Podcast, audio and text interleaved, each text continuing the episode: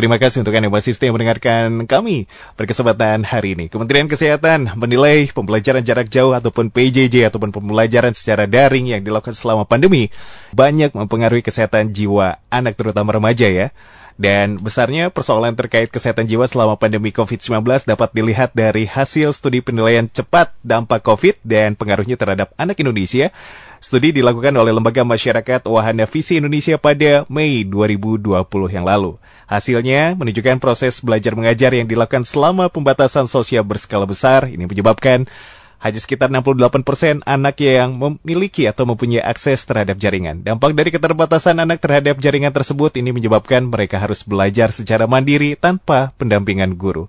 Lalu bagaimana jika dikaji dari kesehatan mental putra-putri bangsa? Nah, cara menjaga kesehatan mental anak selama pembelajaran jarak jauh akan dibahas bersama Ibu Lilis Komaria MPSI sebagai psikolog keluarga dan SDM pendiri Anak Langit School. Halo Ibu. Halo, Assalamualaikum. Waalaikumsalam warahmatullahi wabarakatuh. Sehat Bu Lilis? Alhamdulillah, sehat. ini baru bergabung kembali di Fitri di Bandung. Nampaknya sibuk nih akhir-akhir ini. Terima kasih telah meluangkan untuk bergabung bersama kami dan bersama Bu Lilis ini akan membahas mengenai cara menjaga kesehatan mental anak selama pembelajaran jarak jauh. Ini sistem pembelajaran khususnya di Kota Bandung yang masih dilaksanakan kurang lebih seperti itu uh, secara daring ya Bu ya saat ini dan memiliki ya. resiko tersendiri ternyata. Apa betul ini selama pembelajaran jarak jauh khususnya banyak anak-anak yang terdampak, terutama kesehatan mental, Bu? Emang juga awalnya pasti shock ya, kaget lah ya. Biasalah perubahan-perubahan yang baru itu butuh adaptasi. Tapi setelah berjalan PJJ ini setelah berjalan berarti sudah mau enam bulan ya. Mm -hmm. Saya sendiri lihat di rumah anak saya ada enam, yang dua emang sudah di boarding karena dia zona hijau. Sudah ke pesantrennya karena diisolasi yeah, ya. yeah. aman gitu mm -hmm. nah empat di rumah. Dan yang sulung juga sudah masuk perguruan tinggi tahun ini saya sih lihat malah lebih enjoy anak-anak. Sampai anak saya yang keempat itu bilang begini ke saya bun ada hikmahnya loh covid ini selain aku bisa belajar online, yeah. aku juga lebih mengenal lagi teman-teman di klaster di komplek eh, di komplek. Hmm. Jadi aku bisa istilahnya kan klaster kebetulan kami klasternya kecil gitu ya. Hmm, hmm. Jadi bisa main barengan karena emang aman gitu ya, tidak ada orang luar gitu. Nah, kalau misalnya ditanya apakah ini gimana nih dampak anak-anak ketika PJJ? Ini kesehatan mentalnya terganggu atau tidak? Mungkin yang banyak mengeluh ke saya bukan anaknya mungkin ibunya orang tuanya. Orang tuanya yang apalagi orang tuanya yang kerja dua-duanya kerja harus dampingin anak belajar. Itu banyak yang stres loh. Di awal-awal PJJ itu yang banyak konsultasi ke saya emang mengkonsultasikan anak. Tapi saya lihat dari yang dikonsultasikan emang orang tuanya yang stres, yang panik, yang uh, ini harus gimana kondisi ini gitu. Nah, saya sempat merenung di hal itu. Ternyata emang bagaimana nih anak-anak dengan PJJ ini bisa sehat mental. Nah, kalau pembelajaran PJJ sudah, kalau saya lihat sih sudah dilakukan kayak di Eropa itu di jauh-jauh hari ya. Yeah. Waktu saya di saya dulu ke Jerman tahun 2011-2012 sudah ada pembelajaran ini. Jadi bukan hal yang baru gitu. Mhm, Mungkin mhm. emang di Indonesia hal yang baru banget ya. Betul. Nah, ketidaksiapan inilah yang membuat mungkin kesehatan mentalnya jadi terganggu. Ketidaksiapan apakah itu? Misalnya anak-anak belum mandiri dalam proses pembelajaran akademik karena belum mandiri ini ketika misalnya harus online bablasan. Banyak klien saya yang konsultasi anaknya itu dari pagi sampai malam main gadget tanpa mengenal waktu. Nah itu kebablasan gitu. Karena ketika ditanya sama orang tua, lagi apa? Lagi ngerjain tugas. Lagi apa? Ngerjain tugas. Nah, ini kita juga sebagai orang tua harus tahu juga alurnya. Ketika anak saya yang SMP PJJ Kemudian saya tanya alurnya ini PJJ-nya gimana nih sekolah? Apakah emang ada pembelajaran yang harus misalnya dari pagi sampai siang dan dia langsung ngerjakan saat itu? Atau misalnya yang penting targetnya hari itu dia mengumpulkan. Nah, ketika saya tahu target sekolah gimana, modelnya gimana, sehingga saya tahu misalnya anak saya nih dia di sekolahnya itu dari waktunya itu sampai jam 8 malam karena dia boarding kan gitu. Nah, ketika jam 9 main handphone, saya bisa ngecek. Dan anak ini saya lagi ngerjain tugas. Tugas apa? Jam 8 sudah selesai. Kamu telat nih ngumpulin handphone. Kita buat kesepakatan. Besok berarti handphonenya disita berapa lama, misalnya gitu. Nah, ketika ada kemandirian dari anak, orang tua sudah punya aturan-aturan tentang proses tadi, misalnya gadget itu, akhirnya akan terbantu. Anak jadi enjoy. Orang tua juga nanti lihat aja kalau anak ngakal-ngakalin ke gadget terus, kita tahu gitu dan kita juga berhak malam kumpulkan lihat dia mengakses ke sekolah online kah atau dia menjelajah ke yang lain kan kita bisa track juga mm -hmm, dari mm -hmm. dari apa namanya dari histori dari gadgetnya itu Nah, kalau misalnya permasalahannya misalnya gini, banyak orang yang karena tidak ada jaringan akhirnya tidak belajar. Wah, ini kesempatan nih, kesempatan untuk belajar karakter, belajar karakter di rumah, disiplin bagaimana dia mengatur uh, buat schedule schedule harian, bangun tidur jam berapa, setelah bangun tidur apa yang harus dilakukan, terus beres-beres sempat tidur kapan itu justru orang tua misalnya saya juga sempat di rumah wifi saya itu beberapa hari error. Anak-anak ngeluh karena nggak bisa sekolah. Saya bilang ke anak-anak ini kesalahan bukan dari kita. Jadi saya infokan ke gurunya, ini wifi-nya. Nah kesempatan dia dengan uh, wifi yang jaringan yang nggak bagus gitu ya. Saatnya udah isi dengan project talent. Dia talentnya di mana, kembangkan sehingga membuat karya dan karya itu secara jangka pendek menghasilkan. Jadi anak saya yang bergerak di seni, dia gitar, kemudian dari gitar itu dia ngapalin lagu, satu lagu bahasa Indonesia dia dapat uangnya dari ayahnya, misalnya 30 ribu, dia seminggu bisa dapat uang banyak sampai bisa beli jam tangan gitu. Dia ada pembelajaran, ada karya juga gitu. Nah itu, jadi nanti emang ketika pertanyaannya anak-anak jadi ke, tadi tidak sehat mentalnya. Mungkin ini tidak sehat mentalnya karena lo gadget tidak ada aturan main. Nah kalau misalnya masalahnya anak-anak tuh bosen bu, nggak keluar. Anak-anak sekarang itu anak-anak milenial, pasca milenial, sangat individual sekali. Sebelum ada COVID, anak-anak yang sekarang itu malah males keluar. Kalau bisa sih makan juga misalnya di rumah tinggal online aja pesennya gitu. Nah dengan alasan misalnya nggak keluar itu bukan itu mah cari-cari aja anaknya sih gitu. Mungkin bisa jadi dia lari dari masalah ada banyak tugas dia larinya alasannya ah bosan di rumah mas apa namanya tidak seperti ke sekolah yeah. gitu.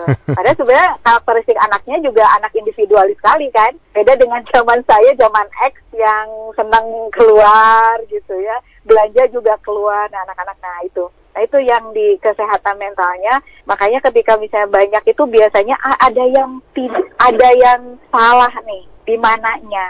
Nah, apakah tadi di pemakaian gadget yang lost tanpa kontrol orang tua atau anak tidak mandiri belajar sehingga yang terjadi e, ribet banget anak belajar di rumah itu Kang Regi. Baik, tentunya terima kasih Bu Lilis telah menyampaikan ini sudut pandang saat ini pemberlakuan pembelajaran jarak jauh ya bagi anak-anak yang ya terdampak kesehatan mentalnya ataupun tidak.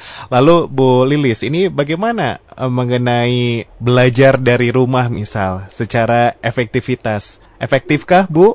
Ya, kalau berkaitan dengan kadang jaringan, kadang kan ada belum bagusnya, kadang nggak efektif. Tapi kita harus cari-cari misalnya ini sebenarnya dengan belajar di rumah, orang itu dikembalikan lagi yang namanya madrasah pertama untuk anak-anak itu di rumah.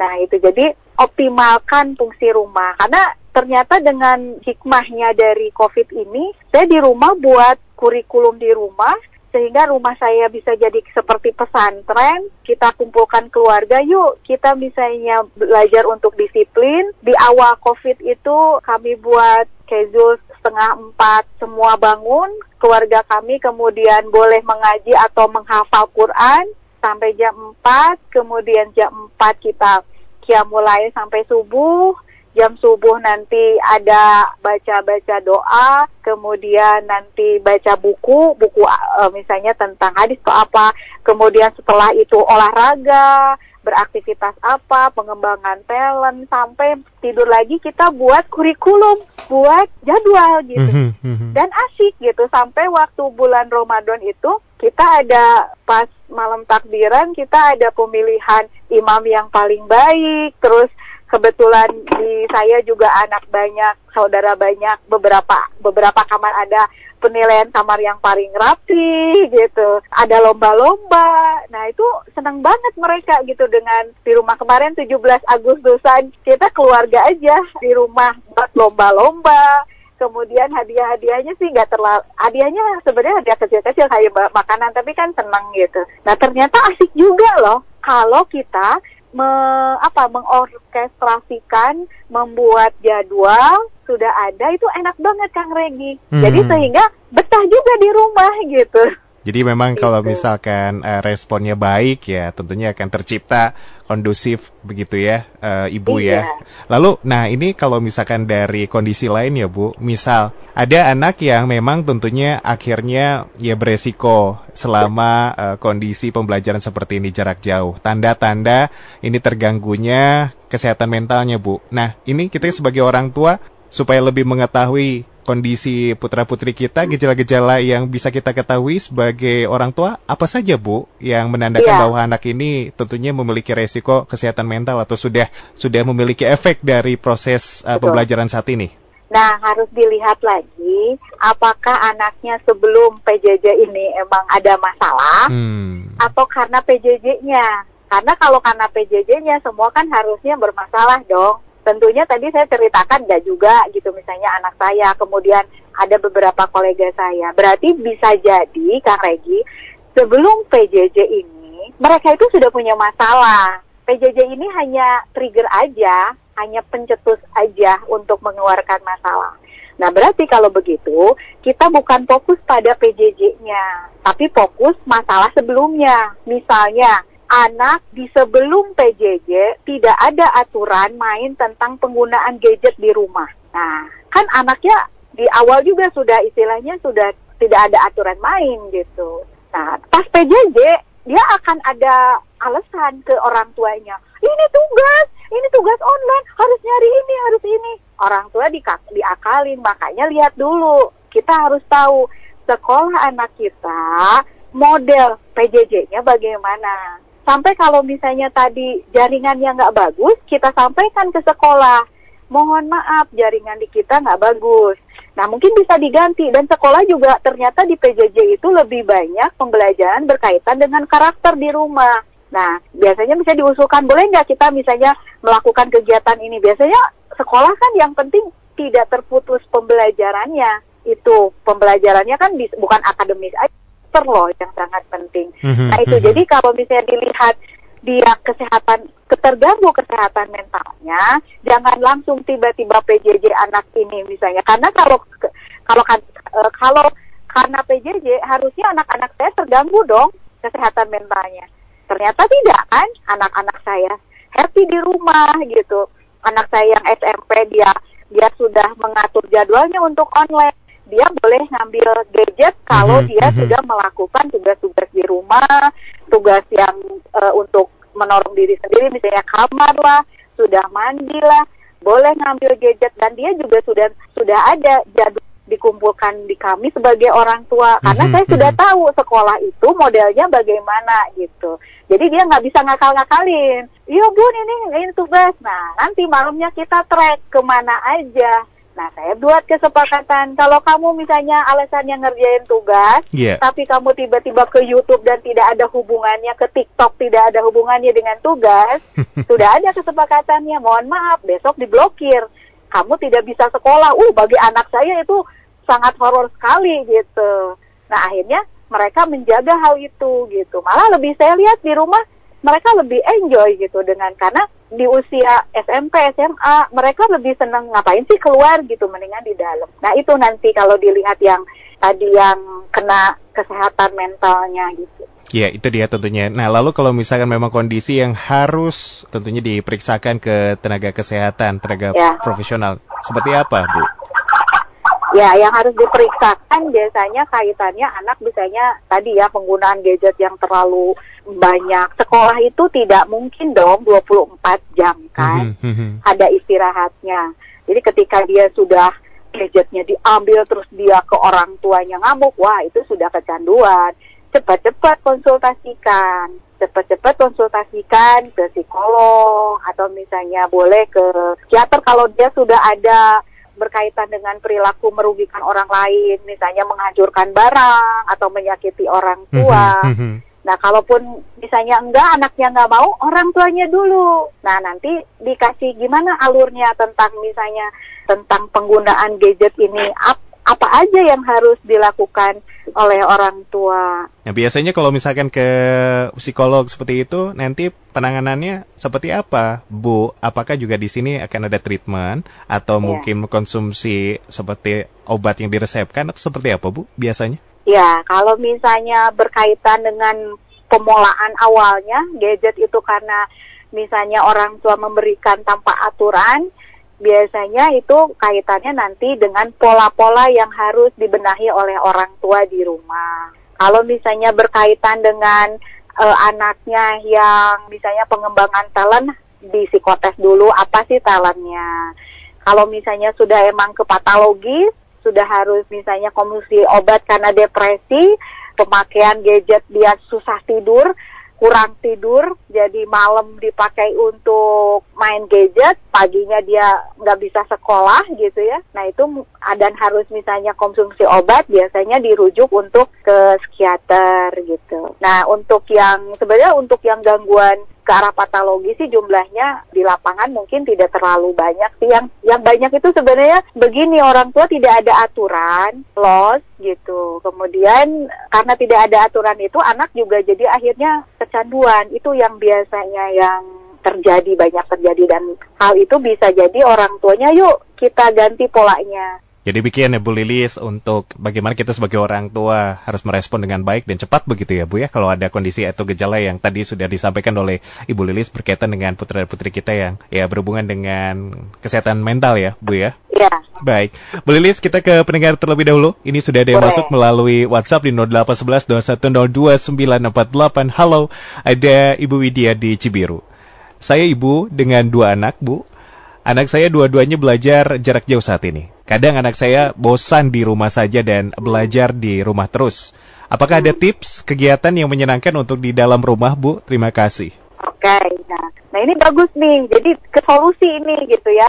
Gimana nih di rumah? Karena emang sekarang kan kenyataannya yang harus kita terima, kita harus banyak kegiatan di rumah, terutama mungkin anak-anak. Nah, bagaimana nih tipsnya untuk biar di rumah lebih ramai? Tipsnya tadi misalnya pertama anak-anak itu kalau banyak kegiatan malah seru hmm, hmm. terutama kegiatannya berkaitan dengan minat mereka, talent mereka gitu. Kayak anak saya kan ada yang ke seni, ada yang ke vlogger yang bahasa Inggris, ada ke jurnal, ada ke matematik, ada ke gambar. Mereka asik apalagi kalau misalnya sudah menghasilkan karya ada cash and carry. Jadi saya suka bilang gini, satu halaman menggambar sekian dapatnya dan langsung aja uang gitu kan wah jadi dia kan nanti mal, eh, sorenya bisa pesen makanan lewat online gitu. Nah itu jadi cari kegiatan yang berkaitan dengan minat anak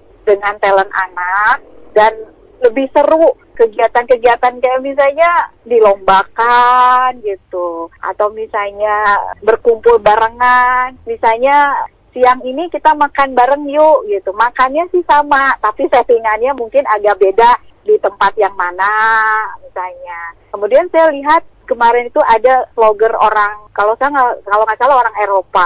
Anak-anaknya itu sampai disiapkan untuk yang online itu lucu-lucu di kamarnya gitu. Jadi anak itu senang banget belajar online. Ada mejanya disiapkan, perangkatnya sudah disiapkan. Ini jadi lucu-lucu terus nanti setiap anak itu silakan menghias tempat belajar online, kemudian nanti dilombakan. Nah itu juga senang banget. Emang nanti ha- banyak harus harus berpikir yang kreatif apa ya kegiatan yang yang menyenangkan misalnya untuk nonton yuk kita nobar misalnya. Saya waktu 17 Agustusan itu malamnya kit- eh, saya bilang ajak semua keluarga nobar film apa ya yang Forest Gump itu bagus untuk motivasi kan gitu terus kita bedah filmnya eh ternyata mereka seru dan keingat terus gitu hal itu jadi cari kegiatan yang lebih menarik karena rumah gini prinsipnya rumahku surgaku Ya, itu jadi dia. rumah itu harus dibuat nyaman dan ternyata dengan begitu juga anak-anak akan enjoy yo Mhm. loh di rumah Mhm, gitu mhm. Baik, Ibu Widya, itu dia tentunya langsung ya tanggapan dari Ibu Lilis ya. Semangat eh, mencoba begitu ya. Mudah-mudahan tentunya menyenangkan lah. Berikutnya ada Mas Fandi Ahmad di Bergahayu. Anak saya usianya 8 tahun dan tipe anak yang harus memiliki teman diskusi langsung untuk belajar. Tapi karena pandemi ini tidak banyak teman-temannya yang bisa diajak belajar bareng melalui telepon. Dia jadi Iya. sedikit sedih dan kadang uring-uringan juga sendiri. Saya harus bagaimana ya Bu ya? Iya, dengan kita telepon teman-temannya juga ya kalau misalnya emang si lingkungan ibu tinggalnya seperti saya di klaster yang aman, kenapa enggak kan kita pada main gitu. Tapi kalau ternyata emang tinggalnya di bukan di komplek, bukan di klaster yang mungkin khawatir itu, ya bisa pakai tadi media yang telepon temennya misalnya, ayo ini misalnya ngobrol gimana. Karena saya lihat juga TK, kebetulan saya punya TK gitu ya. Ketika kelas online itu, mereka itu ngobrol loh sama temennya. Kamu tadi sarapan apa gitu sebelum mulai pembelajaran. Mereka itu ngobrol, saling ngobrol gitu. Nah itu bisa dengan dengan cara tadi gitu. Atau misalnya ditemani dengan orang tuanya. Pokoknya yang penting ada kegiatan aja karena kalau nggak ada kegiatan emang jadi boring kan di rumah. Nah kalau saya itu membuat dengan suami jadwal dari tadi mulai bangun sampai tidur lagi gimana gitu biar nanti ada kebersamaan, biar ada jadwal sendiri-sendiri. Nah itu harus dibuat begitu gitu. Karena kalau anak disuruh sendiri juga jadi nggak ada teman bengong aja gitu kasih challenge, kasih tantangan. Misalnya kalau anak yang suka Lego, silahkan bikin Lego apa, nanti di nanti disetorkan, nanti misalnya dapat berapa, dapat bintang atau apa gitu. Nanti anaknya itu ada teman atau enggak kan dia asik aja gitu. Ya itu dia Gitu. tentunya. Bapak Fandi dan satu lagi ada pertanyaan dari Twitter @putri Fatoni.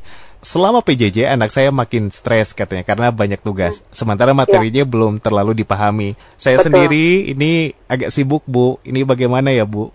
Iya. Nah ini emang banyak yang terjadi eh, ketika konsultasi dengan saya. Bu stres, saya itu kerja sampai sore. Eh, suami saya juga kerja, anak saya juga banyak tugas, nggak ngerti nanya ke saya, gimana ini gitu. Nah nanti kan sebenarnya ketika offline itu juga ada tugas, ya. Jadi kalau dia sekolah offline juga pasti ada tugas, online ada tugas. Dan online itu biasanya juga saya lihat misalnya guru anak saya memberikan tugas. Nah ternyata guru saya, guru anak saya itu bilang tugas ini itu sebenarnya pengen melihat kalau misalnya pembelajaran di kelas, guru itu bisa ngecek, oh anak ini nggak ngerti deh gitu, anak ini sudah ngerti. Nah kalau di online gitu nggak bisa ngelihat langsung dan akhirnya dengan pemberian tugas dan pemberian tugas itu bukan untuk nilai, tapi untuk evaluasi guru. Anak ini belum paham, berapa orang yang belum paham. Oh, yang belum paham cuma dua orang. Kalau gitu saya japri aja ke anak ini, nggak harus anak yang lain ikut lagi gitu. Tapi misalnya, wah ini semuanya nggak ngerti. Berarti emang saya harus mengulang lagi mata pelajaran ini. Dan kalau anak yang nggak ngerti, misalnya di awal-awal, anak saya kan nggak ngerti itu. Bunda ini aku nggak ngerti. Nah biasanya saya tanya gini, sini, ini yang eh, gurunya siapa nih, Eh, Bu ini gitu. Nah nanyanya ke siapa? Berarti kan misalnya Bu X, nanyanya ke Bu X karena dia yang gurunya. Kalau berkaitan dengan rumah, misalnya kamu belajar menyetrika, gurunya bunda, kamu boleh nanya ke bunda. Caranya adalah kamu tanya sendiri mana yang nggak paham. Jadi coba dijapri, coba tulisannya gimana. Misalnya anak saya, Bu aku nggak ngerti ini, tolong dijelaskan lagi. Nah biasanya guru tuh kalau tahu begitu, dia langsung nelfon anak saya gitu. Terus ngejelasin mana Mei yang belum mengerti gitu. Jadi nanti kalau anak yang nggak ngerti, nanyanya bukan ke orang tua, ke guru. Dan kalau misalnya tugas terlalu banyak, ya misalnya itu tuh kita lihat dulu gitu. Kalau nggak bisa, misalnya tugasnya terlalu banyak, nggak bisa nggak bisa di, diselesaikan, bilang aja ke gurunya gitu. Bu, aku nggak bisa menyelesaikan ini. Hambatannya di mana? Kesulitannya di mana? Nanti biasanya guru akan evaluasi. Oh, terlalu mungkin terlalu banyak nih. Nanti akan dikurangi. Tapi kalau misalnya ngeluh ke orang tua, nanti orang tuanya juga tambah stres dan orang tuanya biasanya akhirnya untuk membantu anak kan biar biar inilah dibantu sama orang tua. Jadi orang tua untuk bagaimana nih tips orang tua biar anak tetap sehat mental di PJJ ini, orang tua menyiapkan anak untuk belajar mandiri dalam belajar. Maksudnya belajar mandiri itu begini, kalau dia tidak mengerti, tanyanya bukan ke orang tua karena gurunya bukan orang tua. Tanyanya ke guru, di Japri lah gitu ya atau di WA atau di telepon atau gimana gitu. Nah, itu kalau kalau misalnya ada tugas mandek, tanyakan ke guru, ke guru. Terlalu banyak, Bu, ini terlalu tugasnya menurut saya terlalu banyak loh. Nanti kan itu juga jadi evaluasi.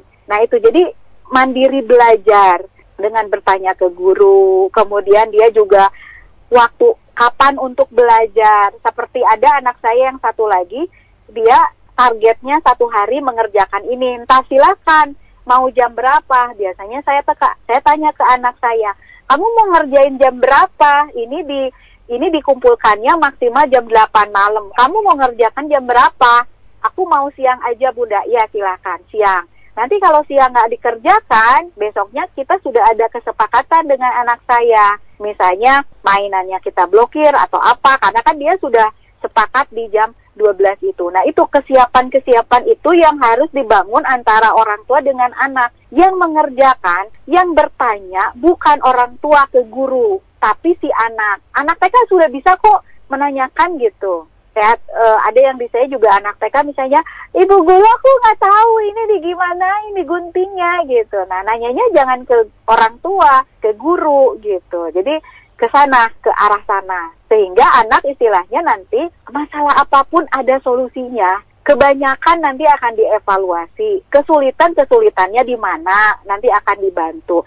Sehingga nanti ketika anak itu bisa menyelesaikan masalah tentunya dia mentalnya jadi lebih sehat dan orang tuanya juga akan lebih sehat dan bahagia semua serumah gitu. Jadi demikian Ibu Putri ya permasalahannya sudah tentunya minimal ditanggapi langsung oleh Ibu Lilis ya karena secara keseluruhan konsultasi apa pun ini harus langsung dilaksanakan secara pribadi begitu ya Bu ya.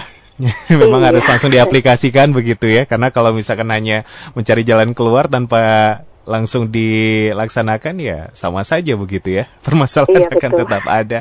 Ibu Lilis tidak terasa kita berada di penghujung perbincangan dan terakhir iya. berkenan untuk menyampaikan closing statement. Oke, okay, jadi apa pun kondisinya, pertama emang awalnya kaget ya, pastilah adaptasi. Tapi jangan kaget terus dong. Nah sekarang kita harus kelola lah.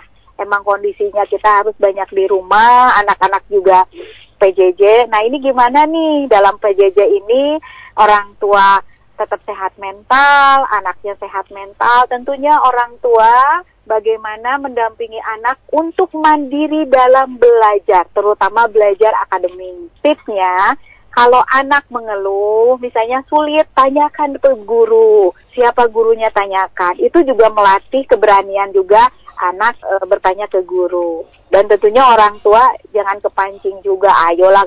Misalnya aku nggak mau ngerjain. Nggak apa-apa. Bilang aja ke bu gurunya nggak mau ngerjain. Kan simple. Nah itu ketika anak mandiri dalam belajar kemudian orang tua e, nanti anaknya juga akan happy akan menyelesaikan masalah e, kesehatan mentalnya akan sehat dan orang tuanya juga sama dan orang tua yang sehat mental, dia tidak istilahnya tidak melayani anak, tidak menyalahkan yang bisa disalahkan, tapi solusi dalam kondisi ini apa? Solusi anak bosan, yuk di rumah kita cari kegiatan yang lebih menarik, ya. Karena dengan menyalahkan tidak akan merubah situasi ini lebih baik lagi. Yang paling bagus adalah apa nih kegiatan apa yang membuat tidak bosan di rumah. Nikmati, ya, karena yang membuat uh, bahagia menikmati itu adalah diri kita sendiri.